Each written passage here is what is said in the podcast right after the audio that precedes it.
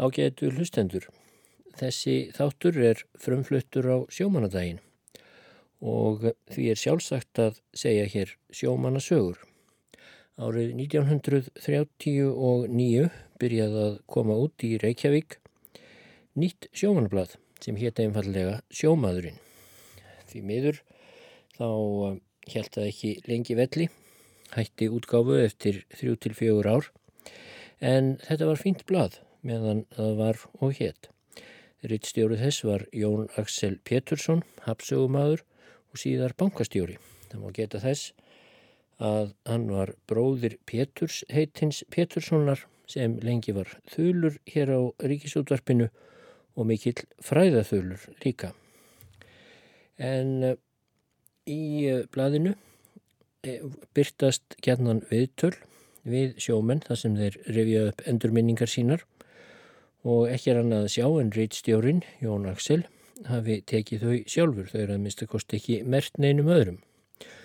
Og í þessum þætti ætla ég að glukka í tvö af þessum viðtölum sem byrtust í sjómaninum á fyrsta árunni 1939 og grýp þá fyrst niður í samtali við Þórð Sigurdsson. Það hefst svo. Þórður Sigurdsson berst að stræti 50 hér í bænum, verður 77 ára gammal í mæmánuði næstkomandi. Hann er enn ótrúlega unglegur og það er enginlegt hver lítinn svip hann ber af æfistarfi sínu, sjómennskunni. Hann er liðlegur á velli, næstum fíngerður og enginn skildi ætla að hann hafi eitt meirhluta æfisinnar á sjónum og við hinn erfiðustu störf. Við fyrstu sín lítur hann út eins og uh, uppgjafa læknir utan á landi eða gammal kaupmaður. En málið segir til sín.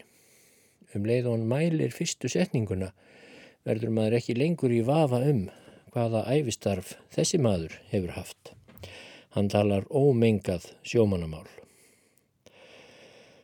Þórður Sigursson stundaði sjómennsku í 47 ár. Þar var hann í 27 ár stýrimaður og hann hefur rétt til að sykla millilandaskipum þó hann hafi aldrei tekið neitt próf eða gengið á sjómanaskóla. Þetta leifi fjekkan fyrir mörgum árum hjá stjórnaráðinu. Það er þó engin hætta á að Þórður fari að keppa við hinn að sprenglærðu sjómenn nútímans, hann er sestur í Helgan Stein. Nú heyrir hann aðeins byljin að berja súðina sína og sér kvítfissandi öldurnar þegar hann horfir út á hafið. Þórður Sigursson hefur reynd margt á sinni laungu sjómannsæfi. Hann hefur silt á alls konar skipum bæði hér og erlendis, hann hefur róið á smábátum og stýrt stórum skipum. Hann hefur meðal annars verið á amerískum lúðuveiðurum sem gengur frá dýrafyrði. Vitanlega hefur Þórður Sigursson komist oft í hann krappan og sjóferðum sínum og saga hans er fróðleg. Það er líka gott að fylgjast með þegar hann segir frá því það gerir hann mjög skipulega. Hann er bersinilega príðilega gefin maður en það ættin góð. Hann og Stefan G. Stefansson Skáld voru sístra sinir. Sjómaðurinn spurði Þórð fyrst um starf hans á hinnum amerísku lúðuveiðurum. Um það segir hann þetta. Það mun hafa verið um 1886 að Ameríkumenn byrjuði að gera út skip hérðan á lúðveiðar og var útgerðin rekinn frá dýrafyrði. Ekki er mér fyllilega kunnugt hver mörg skipin voru en þau tólf ár sem þessi útgerð var rekinn hér við land munu þau hafa verið flest átján að tölu. Skipin voru öll frá Gloucester en það er Hafnarborg við Boston í Massachusetts. Stærð skipana var 100 til 150 smálestir nettó og voru þau öll með hinnu ameríska skonnortulagi og þóttu falleg. Segl voru stór og mikil og geta menn ráði það á því að afturbóman var um 36 álnir á lengt og stóð venjulega eitt þriðji hluti hennar aftur af skipinu.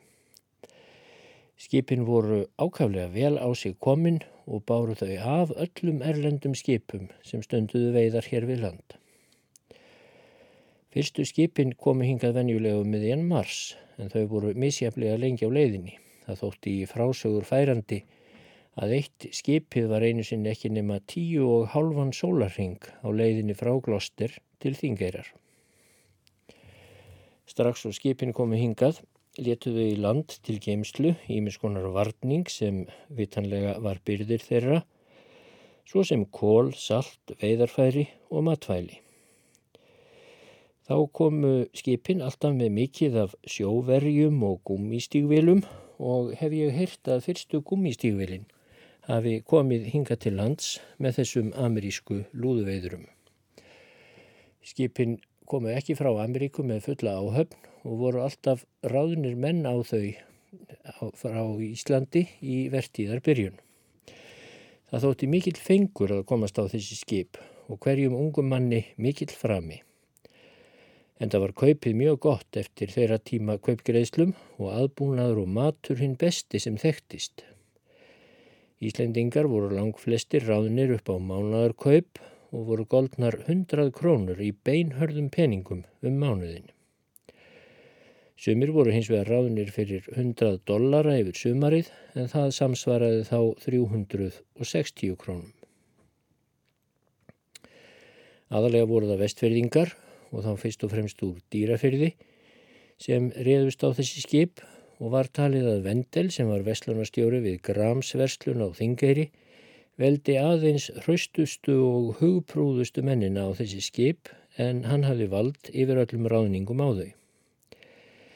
Einnina amerísku skipstjóra hétt John Diego og var hans á eini af skipstjórunum sem átti skipið sem hann var með sjálfur.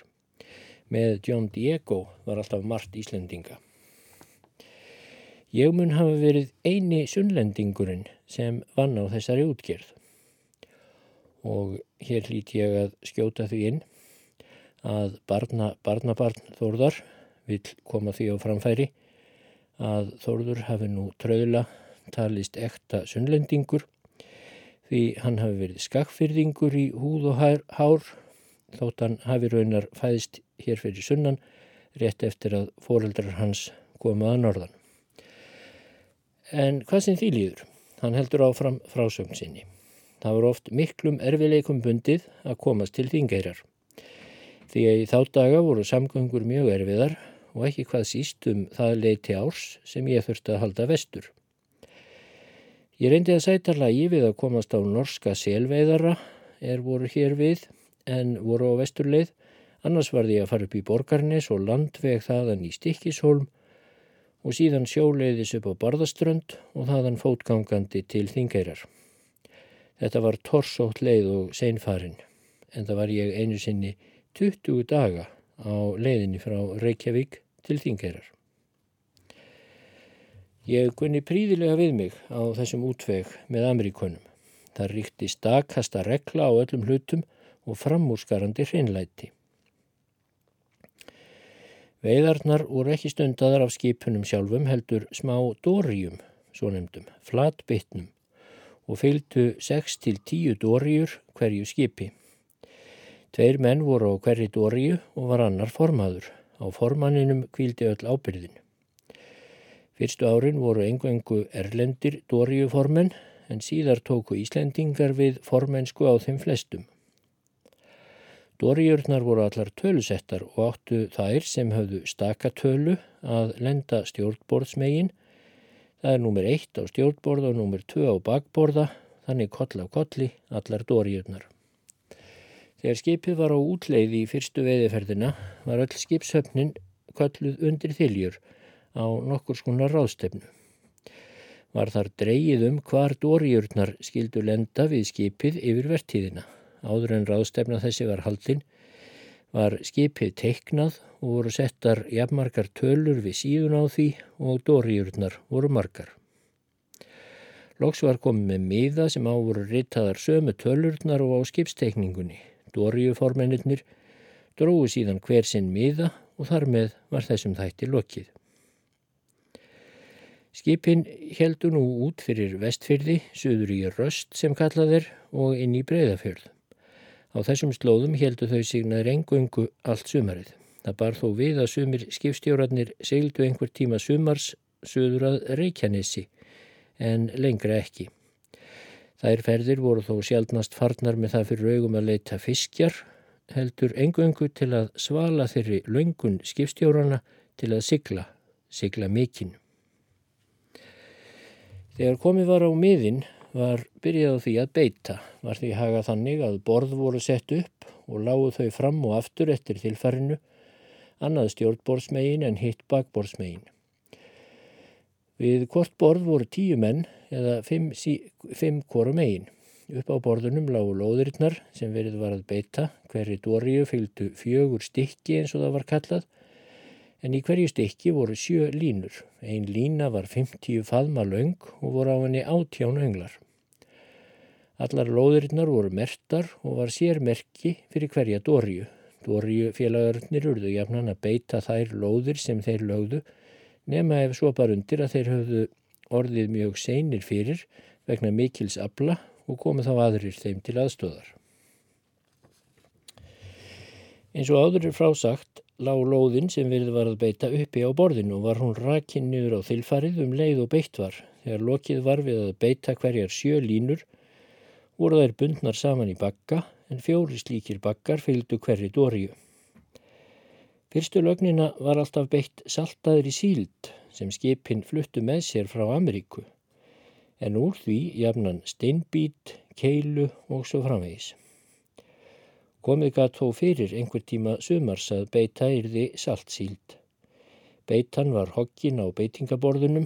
Þegar beitt var ljósabeitu var þess ætið vandlega gætt að stinga önglinum aðeins í fiskin en ekki í róðið.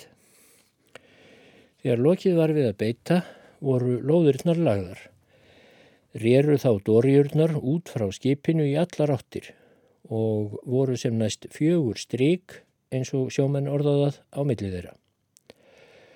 Sumar dóriurnar byrjuði að leggja strax frá skipinu en aðrar réru fyrst út og lögðu svo alveg að því. Annars fór það allt eftir því hvernig ströymar lágu í það og það skiptið. Dóriuformaðurinn var alltaf í skuttnum og lagði en hásettinn réri út lóðina. Þurfti ofta að taka vel í árarnar því það var ítla séð ef lagt var slagt færi. Lætur nærri að Dóriuhásettarnir hafi orðið að róa um fjórðungum ílu í hvert sinn sem lagt var. Framan af sumri var lóðin ekki látin líkja í sjónum nema í fjórar stundir því þá var talið að fiskurinn væri á göngu en síðar þegar hann var lagstur sem kallað var og helt kyrru fyrir þá lágu lóðirnar í sjónum í sex stundir. Meðan lóðirnar voru í sjó lágu flest skipin við fast. Eitt þeirra var þó jafnan á flökti á millið þeirra. Það skip hétt Michael Mackenzie og skipaði það oftast og fiskaði það oftast skipa mest. En væri vond veður voru skonnorturnar oftast á ferðinni til þess að aðtuga hvernig lóðunum liði meðan lóðurnar lágu heldu Dóri og Karlarnir sig um borði í skonnortunni og fengust við aðgerð eða einhvern annan starfa en að fjórum til sex stundum liðnum heldu þeir út á ný og byrjuðu þá að draga. Hverju dóriu fylgdu tvennir vellingar og ullarhólkar voru vellingarnir notaður við beitinguna en ullarhólkarnir þegar dreyið var. Lóðardrættinum var hagað þannig að annar maðurinn stóð fram í barka í dóriunni og dró línuna á rullu en letana þó í apnóðum falla nýður með kinnungnum svo að aftur í maðurinn geti dreyið hana inn, hrist af henni beituna og ringað hana niður í skutin. Aftur í maðurinn innbyrti allt sem á lóðinni var. Væru mikil þingsli á lóðinni var hún dreyin með lítilli handvindu. Þegar stambúin var þess áskinja að flyðra var að nálgast borðið þá gerðan skutmanninum aðvart og hagrætti hann þá í færunni og trékjeflinu sem voru í skutnum hjá honum svo hann geti skjótlega gripið til þess. Undir eins og hægt var að ná til flyðrunar var hún döður róttuð með trekkjaflinu og síðan vaðborin og einbyrt. Þannig var hver línan dregin á fætur annari og allt hyrt sem á hana kom en þó fyrst og fremst flyðran. Hákarlinum var ekki einu sinni sleft fyrir en búið var að ná úr honum livrinni. Hákarlslifur var auka hlutur hásettana. Hver, hverjir dóriufélagar áttu tunnu undir hákarlslifur og lagði skipið tunnuna til. Þegar lokið var drættinum heldu dóriurnar heim með fengin. Oft bar það við að aflinn var svo mikill að ekki var hægt að taka hann í einni ferð. Varð þá að nema staðar við að draga þegar kænan var orðin full hlaðin og fara heim að skonartunni að losa og byrja síðan að draga hún í þar sem fyrr var frá horfið. Stundum bar það við að afli var svo mikill að Dórian var full hlaðin þegar búið var að draga átján öngla eða eina línu. Sem dæmi um slíkt má geta eftirfarandi atriðis, Djón Diego sem fyrir var frásagt að fyrstur hefði byrjað hér veiðar af Ameríkumönnum þótti fiska mjög vel og var talin öllum erlendum mönnum kunnugri á miðunum fyrir vestfjörðum. Þóttist menn þess full vissir að hann heldi sig á einhverjum þeim slóðum sem ekki væru öðrum kunnar og mók aflaði þar. Eitt sumar var ég á Michael Mackenzie sem ég myndist af áðan. Var þá mikið aflaleysi framann af sumri og tók þá skipstjórin sem hétt Andrew Mackenzie það til brags að sigla í kringum allt landið. Honum varð ekki ápata samt í, í því ferðalagi en að því loknu þá fann hann það svæði er Diego veiti mest á og var það jafnan eftir þetta kallað Diego Spot er þessi staður um 70 mílur í norðaustur út af Skálavík. Var þar oft ís en þó ekki í þetta skipti. Mackenzie var nú þarna við veiðar í samtals 75 stundir og var aflinn svo mikill að helmingurinn af skipverjunum varð stöðugt að vera við aðgerð. Þessi aflarhróta nægði til að fylla skipið og held að þegar heimleiðis en þá voru mánaðamót júli og ágúst. Eftir það fór ég á annan sprökuveðara og var á honum til loka. Þegar slíkar aflarhróttur báru að höndum voru óslítnar vökur hjá dóriuköllunum og feikilegt langræði. Því margar þurft að fara ferðirnar en segl voru á fæstum dóriunum. Væru einhverjar þeirra með seglum, urðu hásettarnir að leggja þau til sjálfur. Skipstjórarnir höfðu sterkar gætur á því að dóriunum væri ekki sylt og gætilega. Fyndist þeim einhverjir ekki gæta hófs í þeim efnum, voru seglinn tekin af þeim orðalöst, voruð einhverjum frakkar sem verðu fyrir slíku. Þegar ílt var í sjó var erfitt að lenda við skipið. Þegar svo stóð á þótti því bölvað að koma fyrstur að því þá voru þar engir fyrir til aðstóðar nema skipstjórin og matsveitnin sem yfirleitt voru einir eftir um borð eftir að allar dóriurnar fóru að uh, sinna línunni. Væri ílviðri hjálpuðist allir að við að losa fiskin úr dóriunum en annars verðu hverjir dóriufélagar að annast það. Ef gott var veður var undir eins beitt aftur og lagt á ný. Þegar því var lokið hófst svo aðgerðin.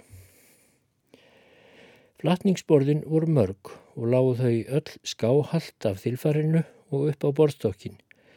Efst á borðinu var gat og tréhæl stungið þar í, járnkrók var stungið í flyðurusborðin og flyðurann síðan dreyin upp á borðið og króknum fest á tréhælin. Tveir menn voru við aðgerð á hverju borði og stóð annar að framann en hinn að aftan.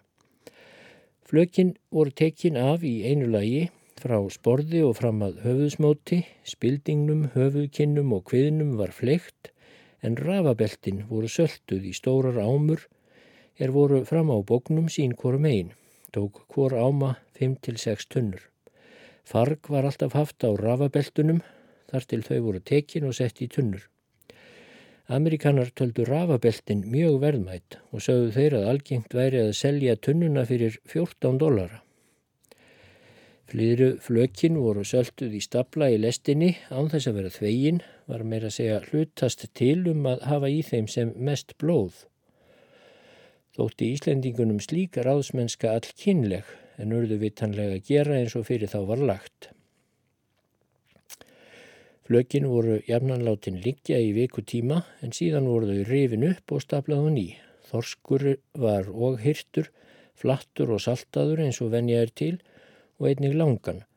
var langan talin mikilsvirði en þorskurinn síður en það hyrtu þeir sama og ekkert af honum fyrstu árin nema það sem þeir seldu til Íslendinga í landi. Skipsöfnin mataðist öll í lúkarnum, hafði hver skipvergi sitt ákveðina sæti við borðið og mátti engin breyting verða á því allt sumarið. Matur var mikill og ágætur.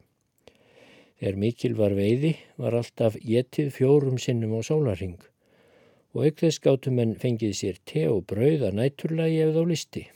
Kjött og ávextir voru svo að segja dagleg fæða. Á mornana var stundum havramjölsgrautur og mjölk út á. Matsveitnin bakaði kveitibrauð og alls konar kökur daglega en rúbrauð sástar aldrei.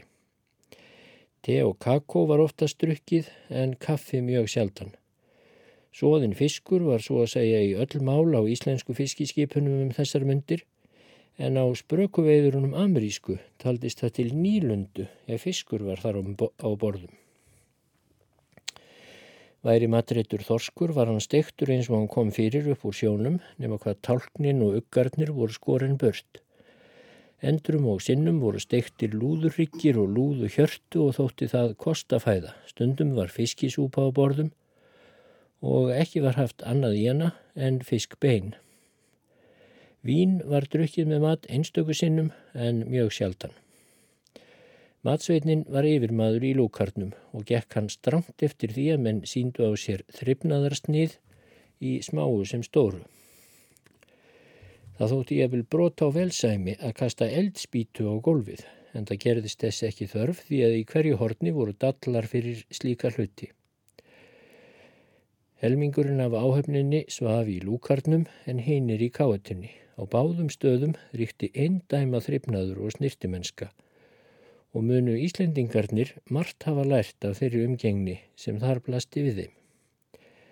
Skipverjar voru af fjölda þjóðerna og var samkómulag þó gott. Undir aldamótin fór þessi útgerðað minka. Árið 1898 voru aðeins tveir lúðuveiðarar hér. Abli brást með öllu. Ég byrjaði hann að sjómennsku árið 1883 þegar ég var 18 ára gammal. Þá réðst ég á smá skútu sem voru hér fjölmennar á undan skútunum sem oftast er talað um. Þetta voru tvímastraðar jaktir með kúterlægi með þremur forseglum, stakfokku, staksekli og klífir. Þetta voru sæmileg skip og gott að læra til sjómennsku á þeim. Árið 1885 Þegar ég var tvítugur réðst ég á Svenn sem gekk frá Hafnarfyrði. Eigandi skipsins og útgerðarmadur var sér að þórarinn í görðum, fadir Þorsteins Egilsens, kaupmanns og útgerðarmanns í Hafnarfyrði. Ég réðist sem hásetti á Svenn og var á honum í eitt úthald, en í þessu eina úthaldi lendum við í mjög kröppum dansi. Skipstjóri á Svenn var Hannes Hafliðarsson sem flestir reykvíkingar kannast við.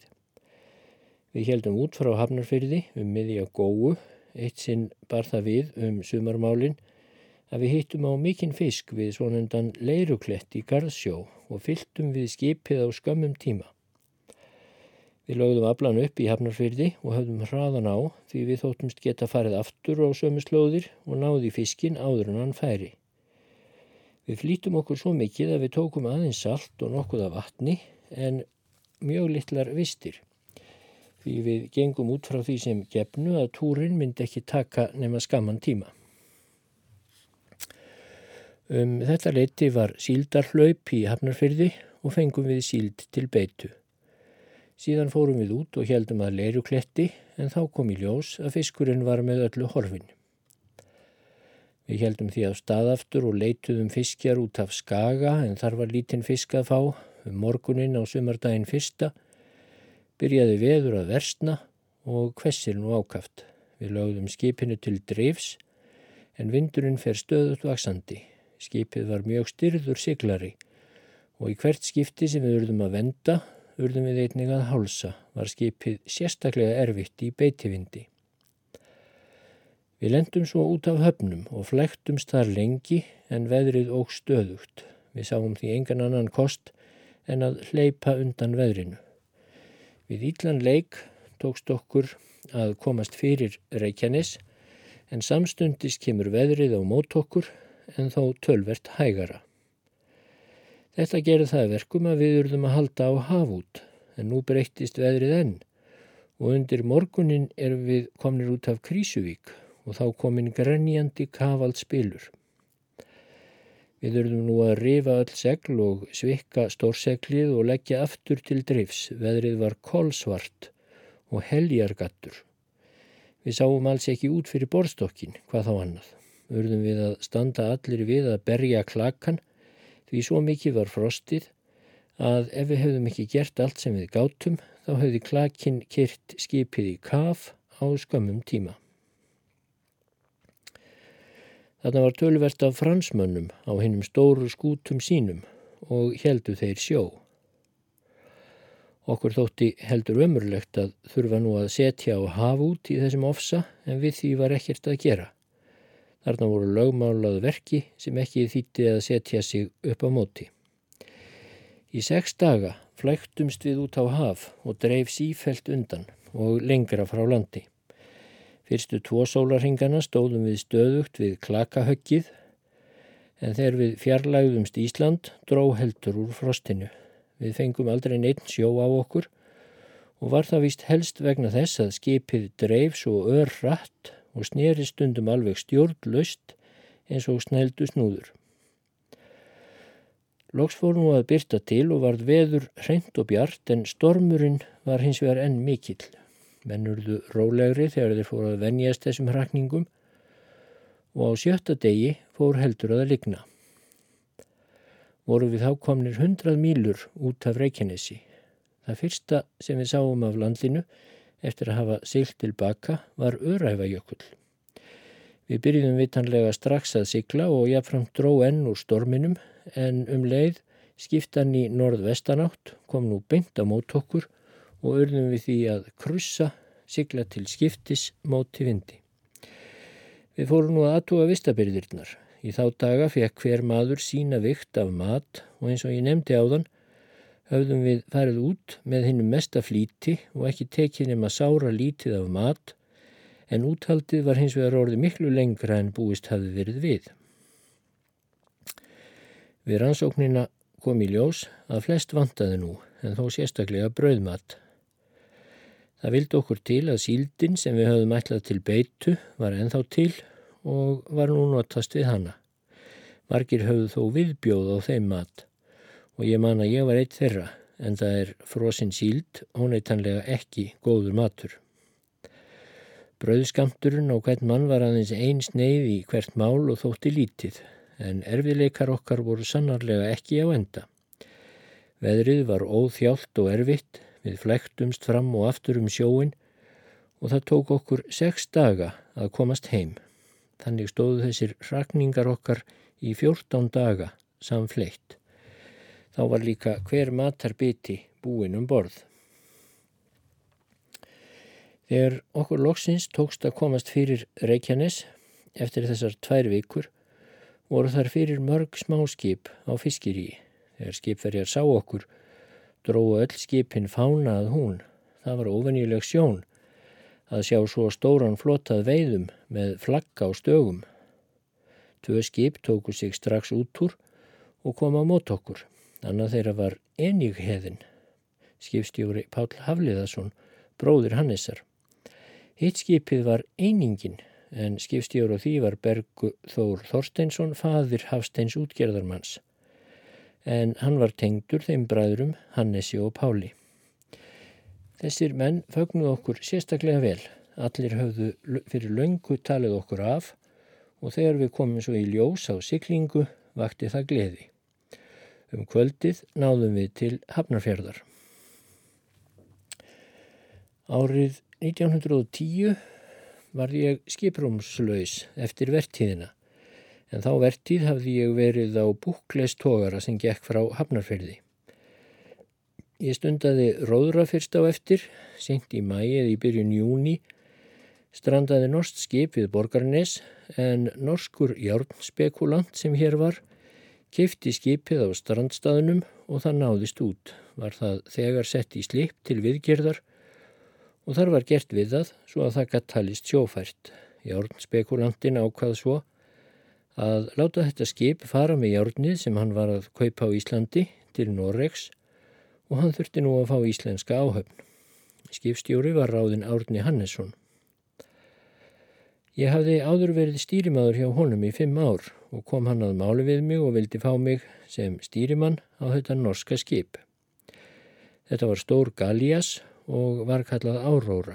Ég hafði aldrei silt á slíku skipi sem stýrimaður og var mjög tregur til þessar ferðar en það skorti mig réttindi til að stýra slíku milliferðaskipi. En Árni laði fastað mér og sagði skildi útvega réttindin. Létt ég þá til leiðast. Árni sapnaði síðan saman vottorðum um mig úr öllum áttum og einn daginn kom hann með leifið úr stjórnaráðinu sjálfu. Var nú tekið til óspiltra málana við að útbúa skipið og tveir hásettar ráðunir í viðbót. Auk þess þurftum við að fá dreng fyrir kokk. Við lendum á strák sem vildi Olmur fara en þegar kom til kasta foreldrana neituðu þau. Báðum við þá strákin að útvega annan og lofaði hann því kom hann síðan með unglingspilt sem verið hafði bakararlærlingur og vissum við engin deili á honum. Síðan var lagt af stað, en okkur brá heldur en ekki í brún. Þegar við vorum komnir út í sjó því þá vildi strákurinn Olmur fara í land aftur. Hafði hann brent sig svo litið við eldhústörfin og var þá úr honum allur kerkur. Hann sagðist vera berglaveikur og hafa strókið með dótsitt án þess að nokkur maður hefði vitað um. Úr, úr því var þó ekki að stráknum væri skipað á land og heldum við ferðinni áfram til Noregs. Ferðinni var heitið til Kristjaníu eða Oslo en ferðin gekk seint, við lendum í þokum og hafvillum við færegar og vissum við, vissum við lengi vel ekkert hvar við vorum. Lóks þegar við fundum land vorum við við Pentland, þá vorum við orðnir algjörlega vasslausir.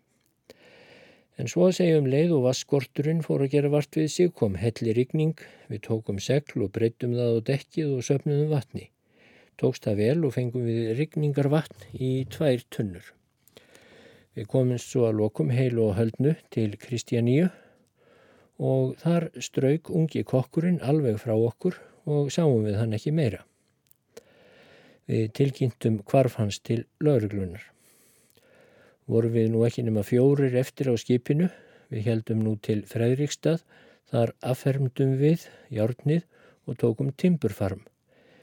Í Fredrikstad voru við lengi og fórum ekki frá Noregi fyrir 14. september, var þá skipið alveg hlaðið og það svo að timbrinu var hlaðið á dekkið fjögur fett yfir borðstokk.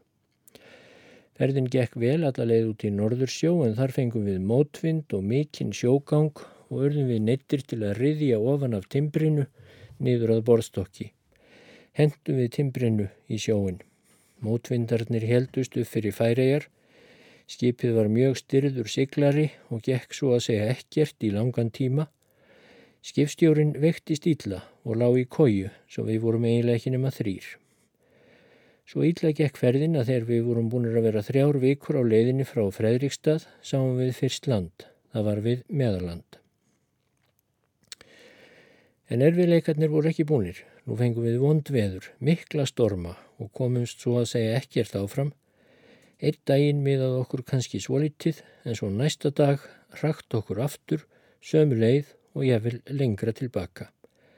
Svona gekk það lengi. En loks komumst við þó að Reykjanesi en þá skall á okkur driftarveður og norðan grenjandi storm, seglinn ripnuðu og skipið tók að leka.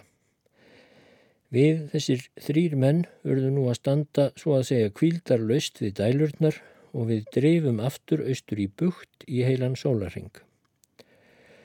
Lóks batnaði þó veðrið og eftir fimm vikur, þegar fimm vikur voru lenar frá því að við fórum frá Fredrikstad og tvær vikur, tveim vikum eftir að við komum að meðarlandi, þá náðum við lóks heim, feignir og uppgefnir.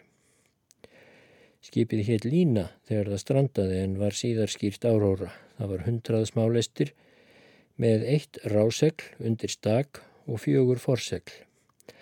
Hásettarnir tveir voru Lúter Róbjartsson sem þá var unglingur og Þórður Bjarnason, bróðursonur Jóns Pálssonar fyrirverandi bankagjaldkjara. Þetta voru báðir bráðduglegir menn en það veit ég ekki hvernig farið hefði ef svo hefði ekki verið. Þannig var frásögn Þórðar Sigurssonar. Hann var allatíð mjög eftirsóttur af skipstjórum en það bráðdúlegur og glöggur sjómaður. Á sjó. Á sjó, Á sjó. Þeir sóttu fyrr og sigðum hafinn blá. Þeir eru fræknir fiskimenn og fást við úr sjá Milli hafnum heiminn þeir halda sína leið Á sjó, Á sjó Þeir sækja henn á siglum hafinn breið Frækni sjómenn fyrrum komað frjálsri Íslands drönn. Þeir hérðan sildum höfðum djúb og herjuðu ókun lönd. En síðan margir sækar bar sild hafa landi frá. Bátar vilja borist hafa bylgjum sjávar á, á sjó. Á. Þeir sóttu fyrr og sildum höfðum blá. Þeir eru fræknir fiskimenn og fást við úr sjálf. Milli hafnum heimil þeir halda sína leið. Á sjó, á þeir sækja enn að syklum höfum breið. Þeir staðið hafi stormi og stórsjó dag og nóg. Móti bylgjum, frost og panna fast þeir hafa sól. Er skipið östlar öldurnar þá olgar þeirra blóð Þeir eru sannir sjómenn til sóma okkar þjóð á sjó, Þeir sóttu fyrr og sildum hafinn blá Þeir eru fræknir fiskimenn og fast við úr sjá Milli hafnum heimil þeir halda sína leið á sjó, á sjó þeir sækja enn á syklum höfðin breið. Þeir sífælt farum sjá að leið og sykla varðing heim. Fisking góð að færa land við fagnum öllum þeim. Annað samtal, endurminningar sjómanna sem byrstist í tímaritinu sjómaninum heitir einfallega Samtal við gamlan sjógarp og líklega er það rýtstjórin Jón Axel sem tekur það líka. Það hefst svo. Í litlum kaldranlegum skúr sem eiginlega heitir ekki neitt en er í grófinni þar sem áður var báta uppsátur reikvískra sjómana situr núnadags daglega tæplega 60 sjógarpur og saumar segl og tjöld. Það er að segja þegar hann getur klófest efni í þessa nöðsynlegu hluti. Skúrin hans er þarna í dálitlu skjóli af Vestlunar húsi Björns heitins Kristjánssonar og hins volduga nýja Hafnarhús sem raunverulega setur allan svip á Hafnarbakkan í Reykjavík. Þessi sjógarpur er Jón Magnússon sem eitt sinn var einn af dögumestu kútteraskipstjórum landsins og síldi á kútterum alla kúttera öldina. Sjómaðurinn heimsótti Jón Magnússon eitt daginn og baði hann að segja sér frá ymsum atriðum úr baróttu hans við ægi. Ég held að það þýði ekki neitt, segir Jón og hleypir loðnum brúnunum. Þó ég vildi segður frá einhverju þá held ég að menn segðu að það veri allt lígi og ég vildi ekki þurfa að vera mikið á ferli hér í Reykjavík eftir að flestir væri orðnir sannfærður um að ég væri lígari. Þú ert Reykjavíkingur, spyr sjómaðurinn. Já, ég er fættur og uppalinn hér í Reykjavík. Ég kom í þennan heim 1880 og var fadur minn sjómaður. Hann bjó í miðseli. Ég fór fyrst á sjó 14 ára eða 1894 og síðan get ég ekki sagt að ég tæki ærlegt handtak í landi þar til ég hætti sjómennsku 1931. Ég var þá að hætta og var því löglega afsakaður. Ég var sumarið 1931 á síld og er við vorum að landa fjell ég ofan í síldarþró þá möll brotnaði vinstri fótur minn og mjöð minn og lág ég í tvö ár rúmfastur en var eitt árað auki við rúmið. Síðan hef ég ekki tekið á heilum mér eins og þú sérð. En um aldamótin hafði ég gerst stýrimaður á báti og stundaði síðan óreglulegt nám í sjómannaskólanum svona 1-2 mánuðu ári. Efnin lefði ekki öðruvísi nám.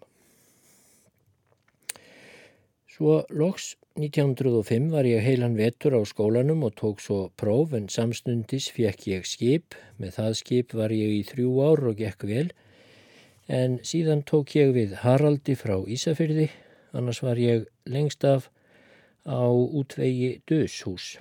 Þegar ég hætti við Harald tók ég Sigurfaran og á honum lendi ég í einu mesta ofveðri sem ég lendi í mína sjómennsku tíð. Þetta var árið 1909. Ég var síðastur inn úr túr og þegar ég kom var ég beðin um að fara aftur út strax. Bærin hafi beðið dus að halda einu skipi áfram úti og það kom í minn hlut. Ég lagði úr höfn 7. oktober og náði um nóttina undir jökul í þægilegum vindi. Dægin eftir upp úr hádeginu leitaði ég fiskjar við svo kallaðan kollál á breyðafyrði.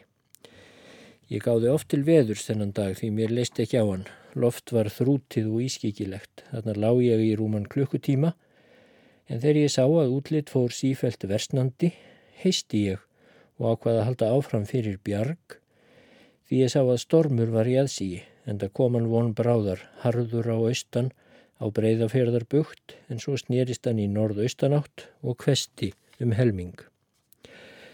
Þarna veltist skipið um nóttina og undir morgun voru öll segl rifin en við heldum áfram að krusa því sjór var mjög slæmur út buktina. Á þessu gekk bókstaflega allan daginn en undir kvöldið var komið norðaustan forviðri og kolsvarta bílur sem helst sleitulust og þar kom að við höfðum ekki nema einn klífir eftir af sex nýjum sem við höfðum átt, en klífir eru einn tegund segla. Ég taldi ekki ráðlegt að leggja skipinu til og láta reka fyrir röstina en svo tók ég það til bræðs að stækka seglin og hugðist freista þessan á Patricksfyrði.